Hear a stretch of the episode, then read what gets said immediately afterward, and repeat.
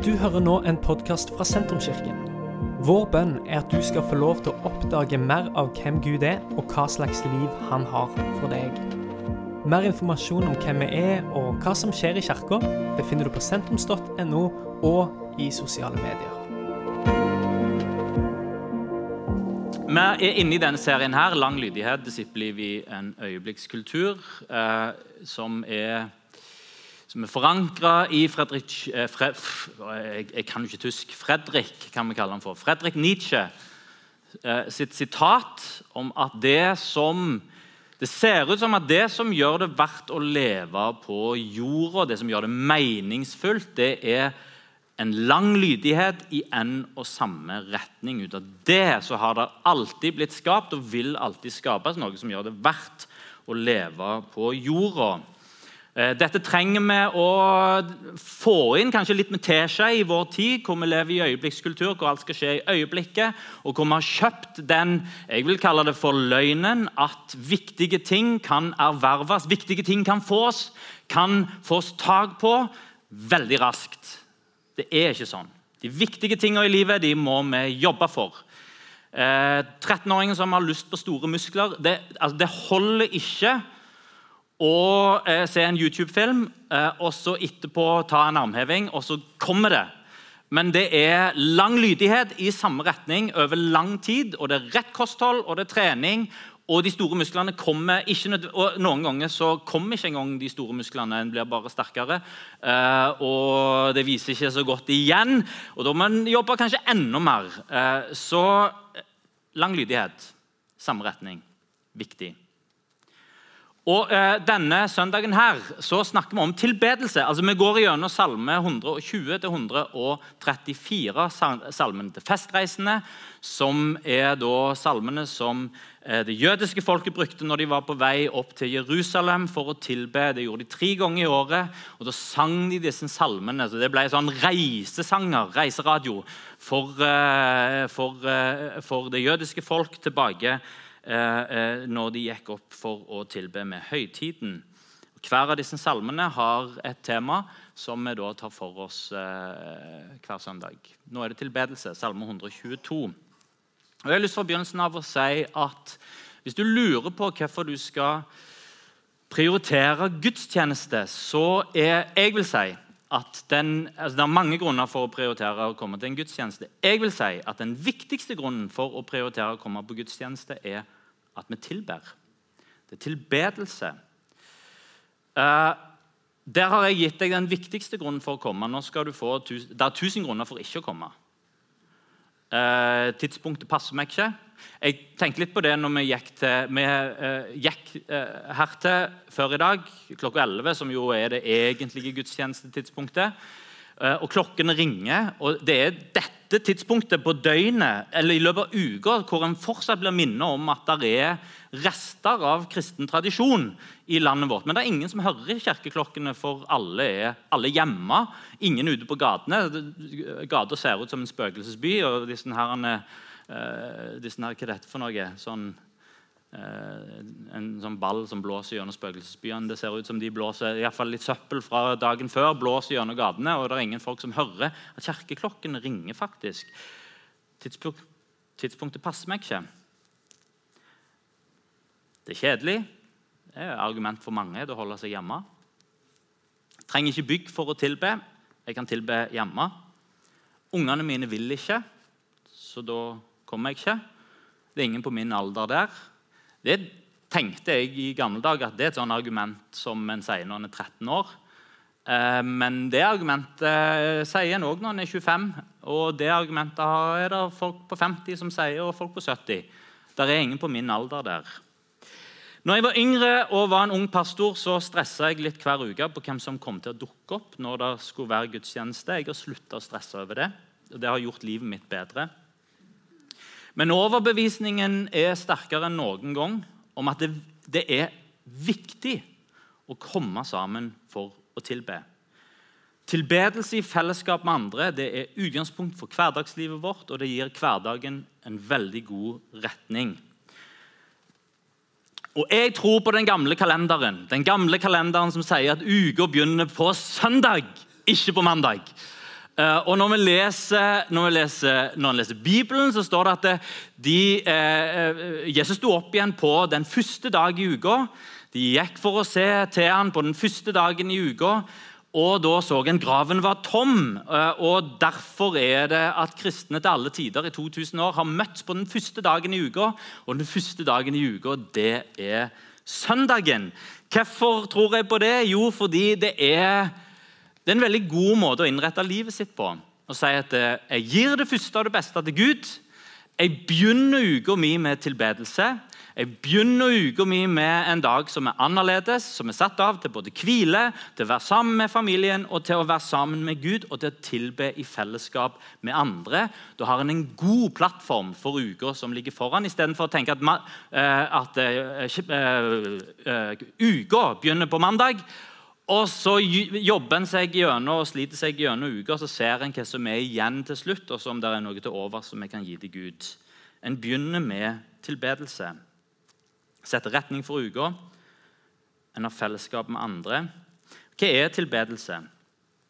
Tilbedelse er å gi oppmerksomhet og fokus til Gud. Det er egentlig i praksis å gi kjærlighet. En kan godt kalle det å sikte på Gud eller strekke seg etter Gud. Dessverre så ser ikke tilbedelse alltid sånn ut. Det er ikke uvanlig at vi gjør tilbedelse om det handler om oss. Eh, det eh, kan vi høre litt på måten en snakker. En går fra en gudstjeneste og sier lovsangen var ikke så sterk i dag. Lovsangen ga meg ikke noe. Eller, eller motsatt. I dag var det Dette var sterkt. Dette ga meg noe. Lovsangen, tilbedelsen, var så sterk. Jeg fikk noe i lovsangen. Eh, eller det ga meg ingenting. Eller den sangen ble så sterk for meg. Eller dette forsto jeg ikke. Altså, tilbedelse blir det handler om meg. Hva kan jeg få uh, ut av det? Og Det er ikke helt feil, fordi Gud virker i oss i tilbedelse. Han jobber i oss når vi tilber Han, men det er ikke det som er tilbedelse. Tilbedelse handler, det er det som ikke handler om meg. Og Dette er sunt for et vestlig, individualistisk menneske. Både at en tilber i fellesskap sammen med andre, men òg at det er ett sted i løpet av uka som ikke handler om meg, men hvor en løfter blikket og en sikter på noe som er høyere. Det gir balanse i livet, det gir sunnhet, det gir livsglede, det gir mening. Når det som kommer på toppen, når det som kommer er det viktigste, og som kommer på toppen i livet mitt, ikke er meg, så er det med og gir balanse. Og det får positive konsekvenser. Jevnlig tilbedelse i fellesskap med andre, altså jevnlig gudstjenestedeltakelse. Eh, det fører til at en lever lengre. Det er det til og med norske undersøkelser som viser. Eh, og en beskriver i høyere grad livet sitt som meningsfullt og som godt. Så det har positive konsekvenser for oss. Vårt samfunn er bygd på, eh, i stor grad på moralen fra de ti bud. Og folk i, folk i Norge er utrolig jeg vil si nesten hellige eh, i sin livsførsel på mange områder. På, på, eh, på fredag var jeg i Oslo eh, på, og skulle være på et møte inne i sentrum. og Hadde tatt fly inn til Oslo og hadde med meg en liten bag. og Gikk inn og satt på perrongen og leste i en bok. Selvsagt, satte fram i bagen. Og toget kommer, springer inn på toget. Eh, med boka i hånda og med telefonen i den andre hånda. Og inn på toget, og dørene går igjen. Og I det øyeblikket dørene går igjen, så kjenner jeg på skuldrene der er det ingen bag. Eh, og nei, den står igjen på perrongen.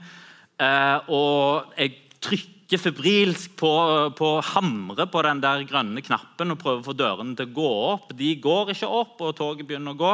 Og jeg må hoppe av i Lillestrøm. Det tar eh, faktisk en time før jeg er tilbake igjen på perrongen. Hva er, det som, eh, hva er på perrongen fortsatt? Med iPad og masse verdisaker oppi. Eh, hundrevis av mennesker som har gått forbi der. Hva står fortsatt der og venter på meg? Jo, det, det, det, det er bagen min. Da takker Gud for et tillitssamfunn med lovlydige, gode mennesker som lever etter de ti bud. Du skal ikke stjele. Den der den er ikke min. Jeg går forbi den. Samfunnet vårt er bygd på den moralen. Men så er det òg lovpålagt. Altså, det kalles faktisk å stjele. hvis du tar noe som er noen andre sin. Eh, og det er faktisk sånn at vi har politi. Det er ikke alltid de er like synlige, men de fins der. Og vi har en domstol og vi har et rettsvesen, og vi er en rettsstat. Med andre ord, Hvis du gjør noe som du ikke skal i henhold til norsk lov, så, eh, det noen, så, så er det en håndhevelse av den loven. Og Det gjør jo at kanskje de som har litt lyst til å ta det som ikke er ditt, eller som har litt lyst til å eh, bryte, de gjør det kanskje ikke fordi at en vet det er konsekvenser. Det gir konsekvenser å bryte buda, men tilbedelse det er ikke lovpålagt. Det ikke, det, som, det, det, må han ikke. Eller kanskje med unntak da, hvis en er i en familie der det å dra til gudstjeneste er en familieaktivitet som vi gjør sammen. Så er det kanskje lovpålagt fra ens foreldre å, å være med, men sånn, i det store og det hele så er det en frivillig aktivitet. Og I Norge, som sekulariseres veldig raskt, så skal vi huske på at eh, gudstjeneste er fortsatt en forholdsvis populær aktivitet. Eh, dette er det kanskje ikke så mange som tenker over, men det er flere folk som går til gudstjeneste ukentlig, enn som går og ser fotballkamp både i Eliteserien og da eh, Obos-ligaen eh, til sammen. Det er flere i hvert fall på gudstjeneste. for det er sånn, ja, det er flere på fotballkamp enn på gudstjeneste. Nei, det er ikke sant ifølge statistikken. Det er flere som går til gudstjeneste enn som går på fotballkamp.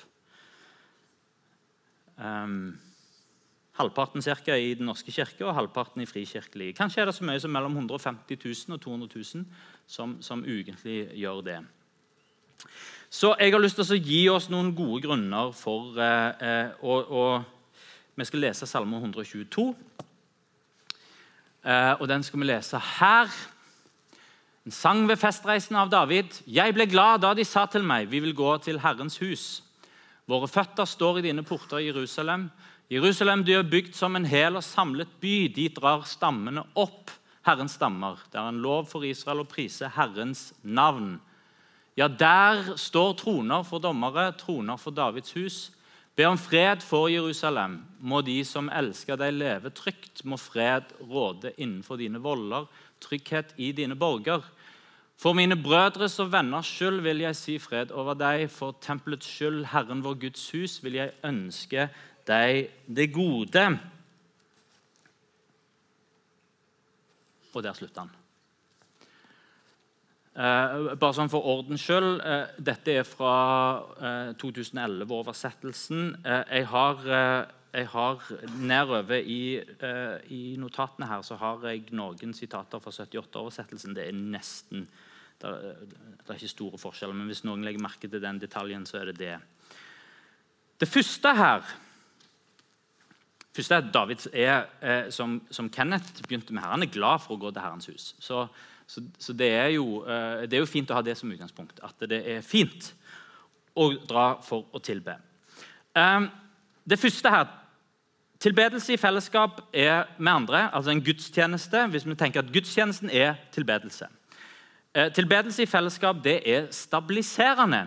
Og Her, her står det i Jerusalem du velbygdes by sammenføyd til et hele. Dit drar stammene opp, stammene som hører Herren til. Eh, tilbedelse gir rammeverk. Jerusalem var stedet der den gudfryktige jøden tilba.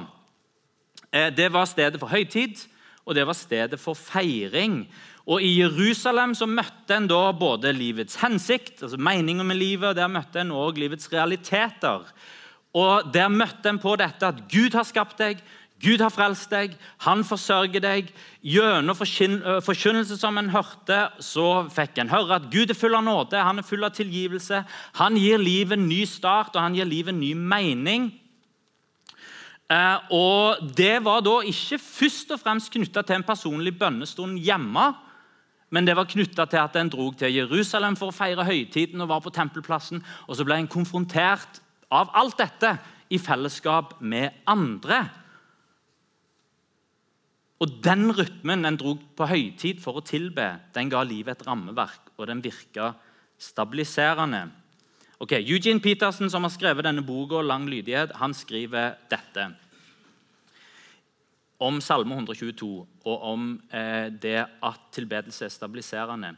I King James, oversett, eh, i King James oversettes setningen, setningen 'Jerusalem er bygget som en kompakt helhet'.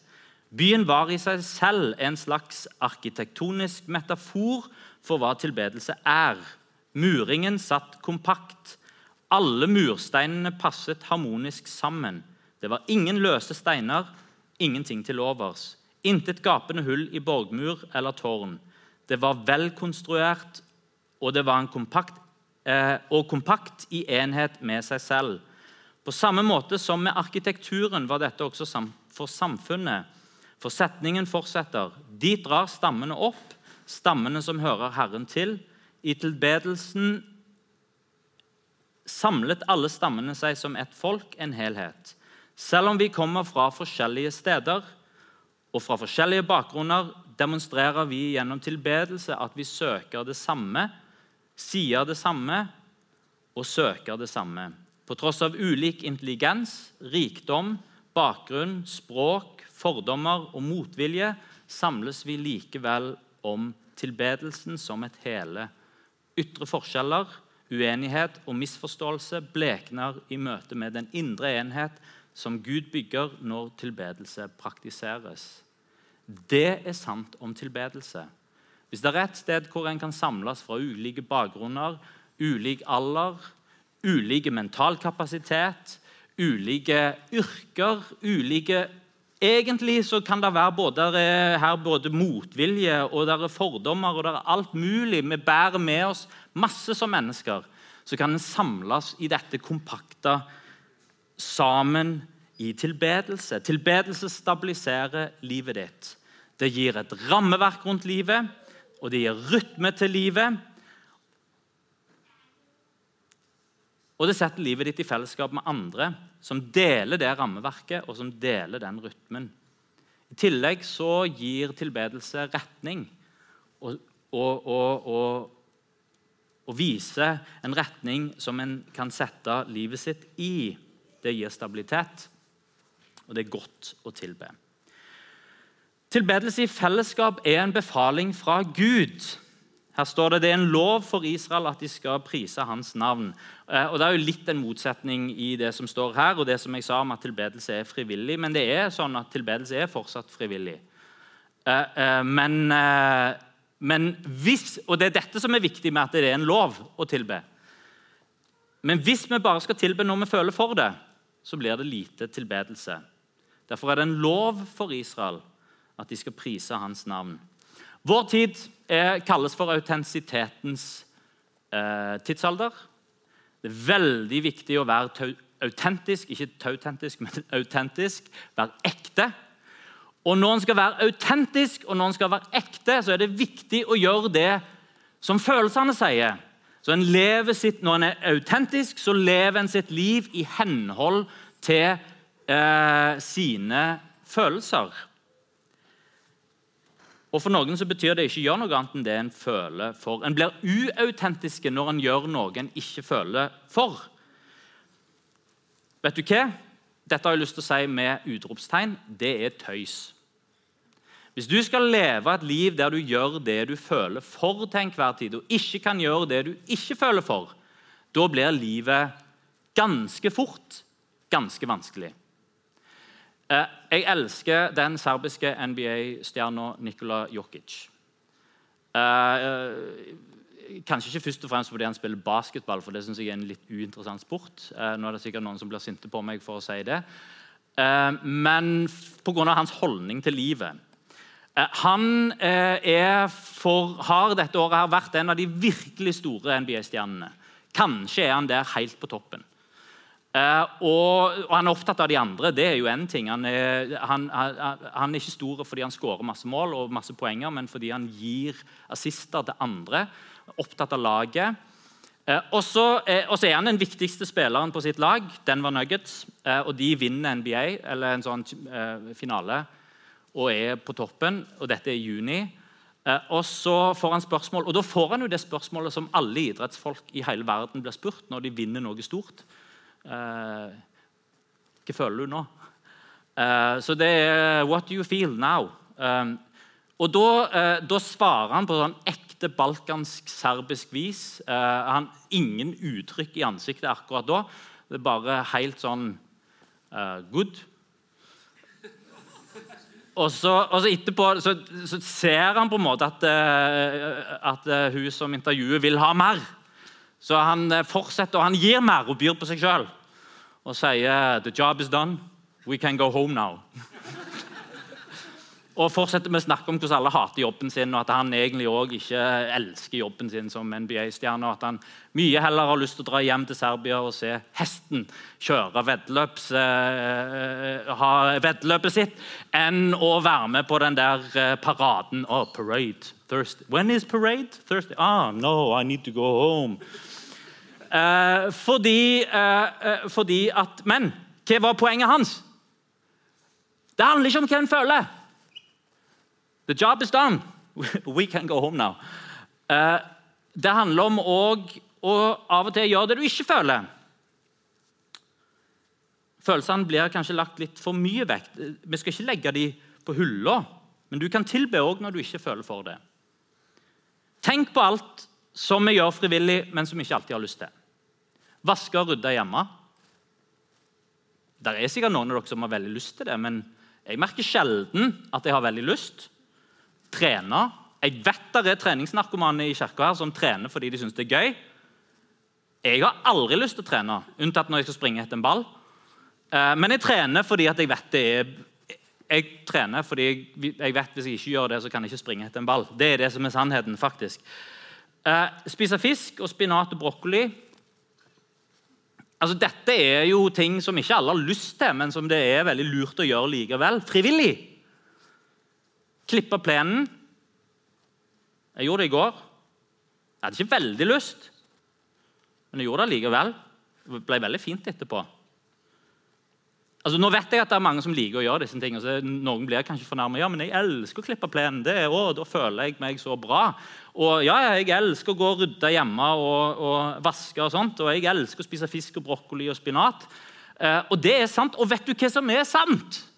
Vet du hva Jeg merket? jeg, merket, jeg syntes det var litt kjekkere å klippe plenen i går enn det var eh, gangen før jeg gjorde det. Eh, og så er det noen Jeg kan ha til meg øyeblikk av å gå og rydde hvor jeg merker at ja, dette, dette, gir faktisk litt, dette gir litt glede. Eh, og jo voksnere og eldre jeg blir, jo mer liker jeg fisk. Ikke brokkoli, da, men, men, men fisk. Og det å trene gir endorfiner. Altså, Du gjør ting frivillig selv om du ikke har lyst. Av og til så sier vi til barn som sier det er kjedelig å gå på gudstjeneste, så sier nei, det er ikke kjedelig. Kjempegøy! kjempegøy. Eh, men kanskje det en burde ha sagt, var at ja, det er litt kjedelig av og til. Men det er helt greit å gjøre noe som er kjedelig. For det gjør vi på alle andre områder av livet.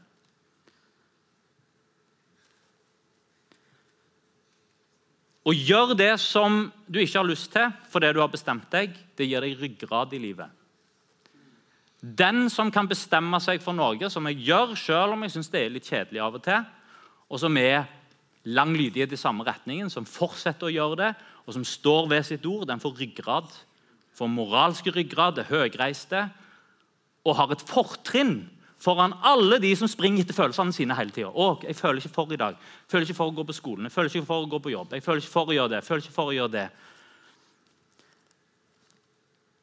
Ikke vent med å tilbe til du føler for det. Lag rytme og tilbe både når du føler for det, og ikke. Tilbedelse i fellesskap gir oss Guds ord. Og Her står det der i Jerusalem er dommersetet reist, tron troner for Davids hus. Og Ifølge Eugene Petersen så er det hebraiske ordet for dom Det er ikke sånn dom sånn som en tenker om å dømme. Men det er et ord eller en beslutning fra Gud der Gud gjenoppretter rett og rettferdighet. Og Dommersetet som det står om her, det er stedet hvor Gud gjør dette. Det er ikke et ord om noe, men det er et ord som gjør noe, og som utretter noe. Les det som står her i Jesaja 55. Den urettferdige skal vende bort fra sin vei, ugjerningsmannen fra sine tanker, og vende om til Herren, som vil vise barmhjertighet til vår Gud, for han er rik på tilgivelse.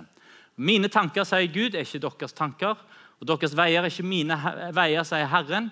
Som himmelen er høyt over jorda, sånn er mine veier høyt over deres veier, og mine tanker høyt over deres tanker.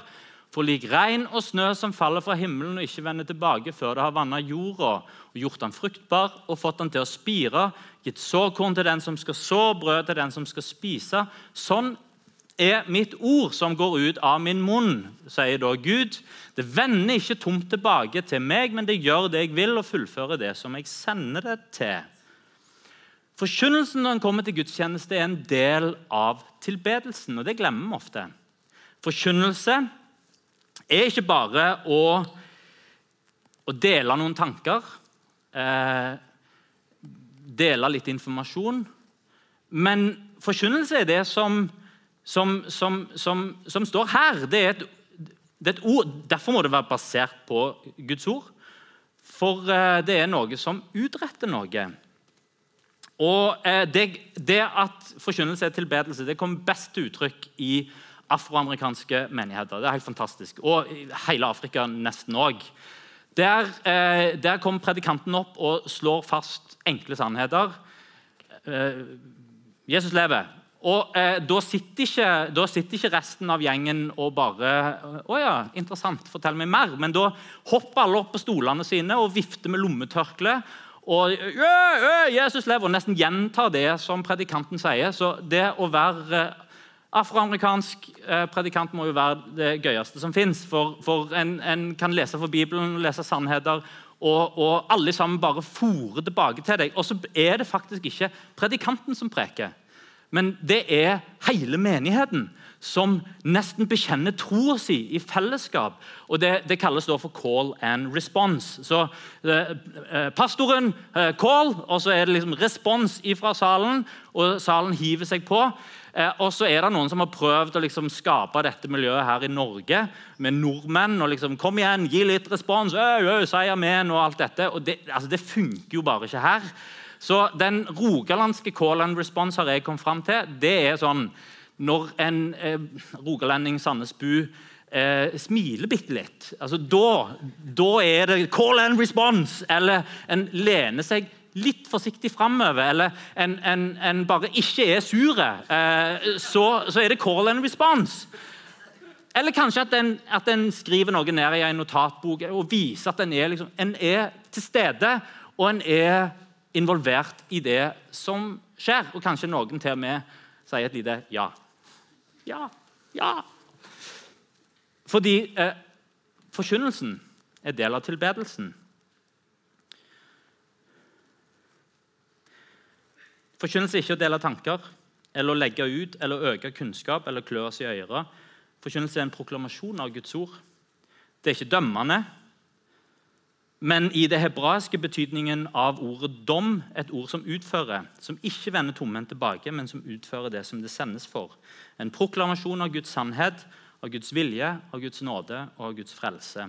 Den er oppbyggelig, den er skapende, og den er formende. Derfor må forkynnelsen vår være forankra i Guds ord, og forkynneren sjøl må være forankra i Guds ord. Og Menigheten trenger å være forankra sjøl i Guds ord for å kunne, eh, kunne, gjenkjenne at dette kjenner jeg igjen. Eh, og på den måten der så blir det noe som en gjør i fellesskap. Tilbedelse er å høre Guds ord forkynt og proklamert. Tilbedelse i fellesskap gir oss fred. Her står det at vi skal be om eh, og Da må vi få neste slide. Tilbedelse i fellesskap gir oss fred. Be om fred for Jerusalem. Måtte de som elsker deg, leve trygt. Måtte fred få råde bak dine murer, trygghet i dine borger. For mine brødres og frenders skyld sier jeg fred over deg. Fordi Herren vår Gud har sitt hus i deg, ber jeg at det må gå deg vel. Ordet be Hebraisk ord for å be det er ganske enkelt å spørre. Så, så, Å be til Gud å spørre Gud Det er sånn som barn og ungdommer gjør overfor sine foreldre. Du, jeg må spørre deg om en ting. Kan, få, kan du vippse meg 100 kroner til eh, det og det. Kan, kan, kan du gjøre det? Kan, kan, jeg få det? Det er ei bro for foreldre inn i tenåringen og ungene sitt liv når en ber om noe. Vi kan legge fram for, og det, Derfor har vi bønn og takk hver søndag. Vi kan legge fram for oss, framfor Gud, utfordringene vi sliter med. Vi kan vite Han er vår lege, han er vår forsørger, han er vår fred, han er vår rettferdighet, vårt seiersmerke, vår hurde. Og han er til stede. Sist søndag så prekte Solveig om omsorg. Gud har omsorg for oss. Og når vi kommer sammen som fellesskap, så, så kan vi tilbe og erfare at Gud gir oss omsorg i situasjonen vår. Det er ikke sikkert alle kommer på gudstjeneste og føler, at, føler for uh, ja, enn bare det at en er til stede. Så er det andre som tilber, og som kan være med å løfte en. Hebraiske ordet for fred, shalom, det er et av de rikeste ordene som fins. Guds fred.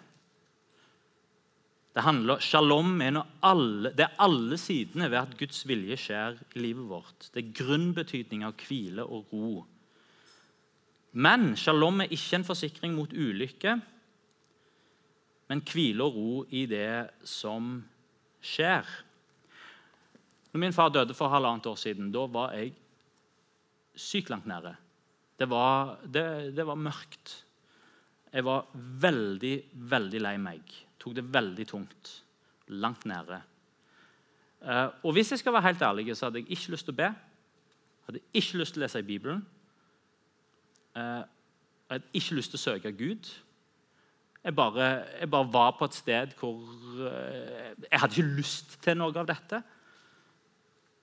Vet du hva? I den situasjonen å få komme på gudstjeneste var helt fantastisk. Å være et fellesskap som tilber Gud sammen. Og få merke at det, det der er andre altså Vi peker på det samme. Og i tilbedelse i den situasjonen der så merket jeg omsorg og omslutning fra Gud. Shalom. Fred. Guds fred i situasjonen betyr ikke at det, alt bare letta, og så dagen etterpå så var det eh, Nei, men, men, men, det var med og satte rammeverk. Og det satte en rytme, og det satte en retning. Og så ga det fred i alt det som var vanskelig, og som var tungt. Shalom. Fred er et av Bibelens rikeste ord. Det ord som samler alle sidene ved den helheten som skapes ved at Guds vilje blir fullendt i oss. Og Tilbedelse metter ikke vår lengsel for Gud, men den vekker appetitten. Og Nå kan bandet komme opp, så går jeg for, inn for landing her. Tilbedelse i fellesskap er vedlikehold. Eh, og selv om jeg kan jo si fram og tilbake mange ganger at det, det handler ikke om hva, 'what's in it for you' og det handler ikke, Tilbedelse handler ikke om deg, og det, ikke, det var ikke sterke lovsang og sterk tilbedelse for at du skulle få noe. Men til syvende og sist så er en litt forbrukere alle sammen og tenker hva, What's in it for me? Hva har jeg igjen for dette? Hva har jeg igjen for tilbedelse? David Foster Wallace, den amerikanske forfatteren, han skrev og sa i en tale faktisk at alle mennesker tilber enten vi er klar over det eller ikke. Og Så fortsetter han med å si at det er gode grunner for oss til å tilby. Han sier det tilby en guddom. Jeg vil si det er gode grunner for oss for å tilbe Gud. For alle andre typer tilbedelse, alle andre ting vi setter øverst, ender opp med å på en eller annen måte spise oss opp.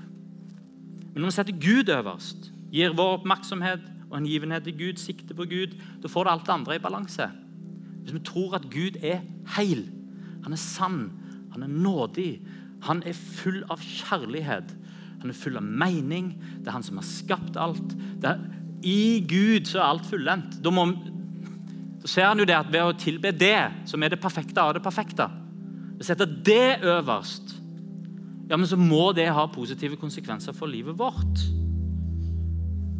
Det får det andre i balanse. Og det gir en nødvendig sånn overhaling av livet Stephen Covey han skrev en sånn selvhjelpsbok på begynnelsen av 90-tallet. Den heter Seven Habits. Og Amerikanere som skriver bøker, de ødelegger jo som regel de gode bøkene sine med eh, forferdelige titler. Denne heter 'Seven Habits of Highly Successful People'. Eh, den eh, ville jeg aldri tenkt en gang på å lese når jeg eh, leser tittelen, men boka er veldig bra. Den er kjempebra. Første eh, vanen, eller habit, av highly successful people, det er å, å slipe ljåen. Bildet hans er at skal du Eller han bruker faktisk ei øks. Hvis du skal stå og hogge ved første du gjør før du går i gang med å hogge ved, hva er det for noe? Det er slipe øksa. Og Når du har stått en stund og blitt trøtt, da begynner øksa å bli sløv. Så Det lureste du kan gjøre, er å ta en stopp i arbeidet og så sliper du øksa di, sånn at den blir skarpere. Så sliper du den kanskje litt grundig òg.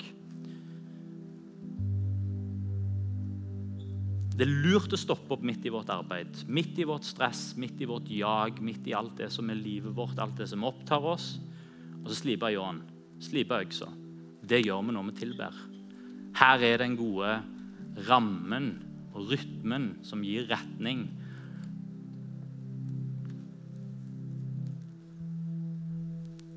Slippe å ha noe annet enn seg sjøl på toppen. Frivillig sette av to timer i uka til å tilbe sammen med andre. Tenk på hva det kan gjøre med deg. Tenk denne høsten. Jeg vil lage den rytmen i livet mitt denne høsten. Slipe ljåen hver uke. Tenk på hva det gjør med fellesskapet. Kjekkeste fotballaget å spille på. Det er ikke de som bare vinner. Altså, det, En må vinne litt av, og av og til, men det kjekkeste fotballaget å spille på, det er der alle kommer. Når, når det er trening, så vet du at det, ja, det er ikke en som har vondt i viljen og sitter hjemme, og det er noen annen som er litt for trøtt og sliten i dag, så gidder ikke komme. Men alle, alle, kommer, og så blir det samhold fordi alle står sammen om dette. Og når en taper, så taper en sammen, og når en vinner, så vinner en sammen. Og så er vi et fellesskap. Sånne foreninger er kjekke å være en del av. Når en sier 'ja, vi kommer', ikke sånn der er to som kommer, så er det ti andre som er med, så ser en hvem som dukker opp. Det, det blir ikke noe kunne vært kjekkest hvis det var en forening for to. De to som dukket opp. Tilbedelse i fellesskap, det er vedlikehold. Det gjør noe med oss, og det gjør noe med fellesskapet. Vi skal ta oss og tilbe i fellesskap. Og det, Jeg har lyst til at det skal være vår respons i dag. Du kan jo tenke på dette med rytme og Jeg vet at livet ser forskjellig ut for oss alle sammen. og, og Her er det ingen klam hånd, og her er det ingen sånn 'sånn må du gjøre' og 'sånn må du gjøre'. Her, her er invitasjonen å finne et rammeverk og finne en rytme som, som, som gjør at en får slipt ljåen sin. Og at vi er et fellesskap som gjør det i sammen. Der det former oss, og der det gir livet vårt en retning. Det gjør noe for oss som individer, og det gjør noe for oss som, som fellesskap. Men vår respons nå det kan være at vi reiser oss. Og så sammen med lovsangsteamet så, så tilber vi. Dette er slutten på denne podkastepisoden. Har du spørsmål om Jesus, om tro, om livet, så er du hjertelig velkommen til å ta kontakt med oss via sentrums.no.